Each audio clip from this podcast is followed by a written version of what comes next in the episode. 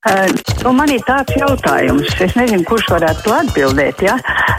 Nu, vispār tie komentāri lieki. Paldies! Klausītāji brīvā mikrofona tāluņa numurs 6722, 888, vai 6722, 559, tātad 67. 222, 888, 672, 559, un daudz no jums jau ir mums uzrakstījuši savas pārdomas arī par dziesmu un dēļu svētkiem. Es paralēli ar telefonu zvaniem arī tās centīšos visas nolasīt, bet ar uh, tālruni sāksim. Labdien, brīvajā mikrofonā, un jums vārds. Uh, labdien! Uh, es vienkārši gribētu uh, pēc tādas patīkamas sarunas, uh, diskusijas noklausīšanās uh, Es nezinu, kā lai sāktu, bet man gribas Latvijas cilvēkus brīdināt. Es vakar saņēmu mistisku um, SMS no it kā Latvijas pasta par to, nu, teiks apmēram tāds, ka ja jūs arī turpmāk griba, gribat saņemt um, SMS par jūsu sūtījumiem, tad um, atjaunojiet savus datus, uh, Latvijas pasts un tā tālāk. Un pašās beigās seši mistiski burti. Tā, tas ir vienkārši feiks, jo mm, man nekādi sūtījumi, par ko man nāktu izziņas no pasta, nekad nav bijušas. Jā, es esmu pietiekami nodzīvojusi. Man vienīgā izziņa nāk no bankas par to, ka ir ieskaitīta pensija. Tā kā lai cilvēku uzmanās un neuzķeras, šis atkal ir kārtējais acīm redzot krāpnieciskais gadījums. Jā, un kundze, es ceru, ka jūs neatvērāt to saiti. Nē, protams, nē. Protams, ka nē. Mm, nu, laikam, jau, laikam jau ir man vieglāk, jo es pieslēdzu loģisko domāšanu, pat cik es visu mūžu esmu nostrādājusi arī žurnālistikā. Paldies, kā, paldies, ne... un paldies, ka arī dalījāties šo stāstu, lai brīdinātu citus, ka šādas viltus ziņas no, no Latvijas pasas sūtītas vispār nevajag ne, ne, uz viņām reaģēt, nevērt vaļā. Labdien, jums vārds sveicināti! Es arī esmu dziesmu svētku dalībniece no ļoti tāliem dziļiem laukiem. Un vienā epizodē es jutos tā kā nu, pret mani būtu pastrādāts noziegums par to ūdeni.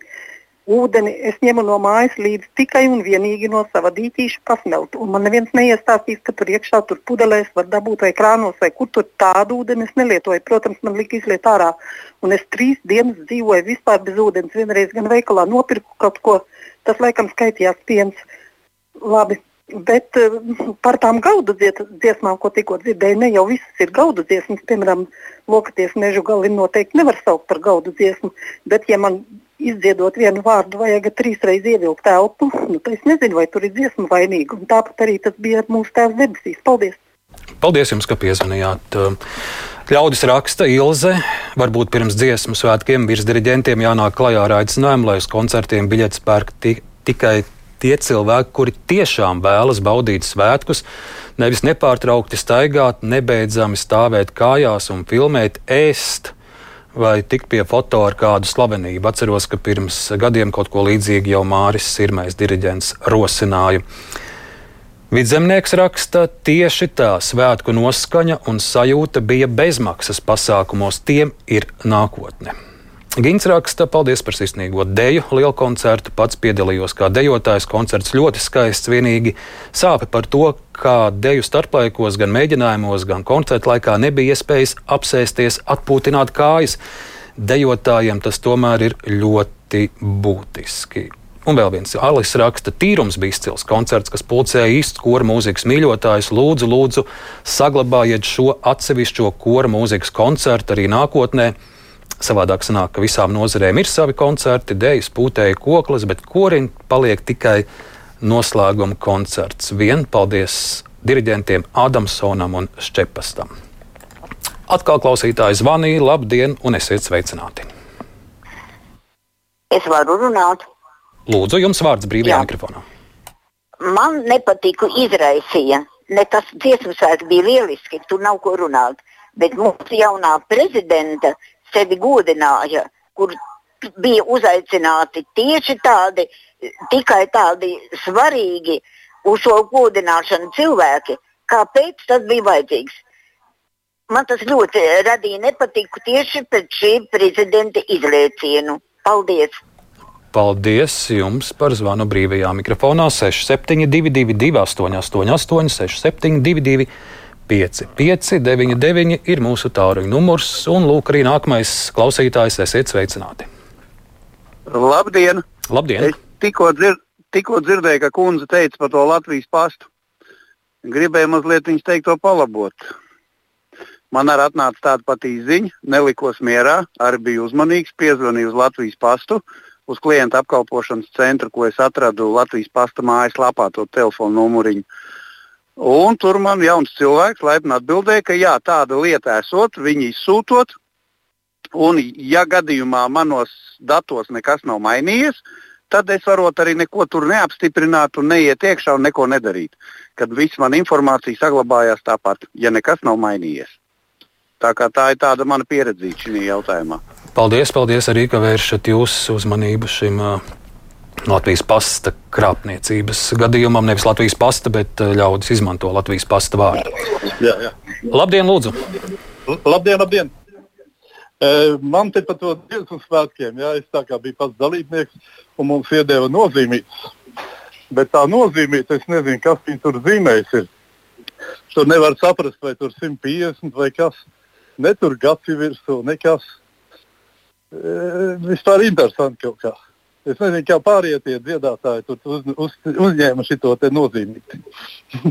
cik jums liela ir jau šī kolekcija, cik dziesmu sērkos esat piedalījies? Oi, diezgan jau kāda desmitā vismaz.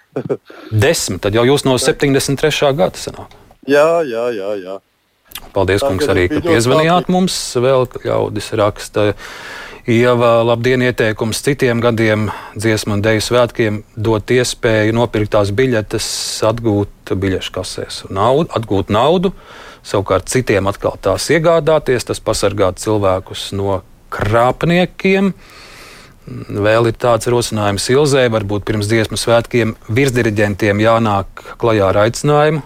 Ah, to jau es nolasīju, ka biļetes lai pērk tikai tie, kur tiešām vēlas baudīt svētkus. Tad uh, ieteikums no Annas ir neprintēt bukletus dalībniekiem, varbūt tikai senioru kolektīviem. Šie bukleti ir dārgi un neekoloģiski. Pat tā runa klausītājs. Labdien un esiet sveicināti!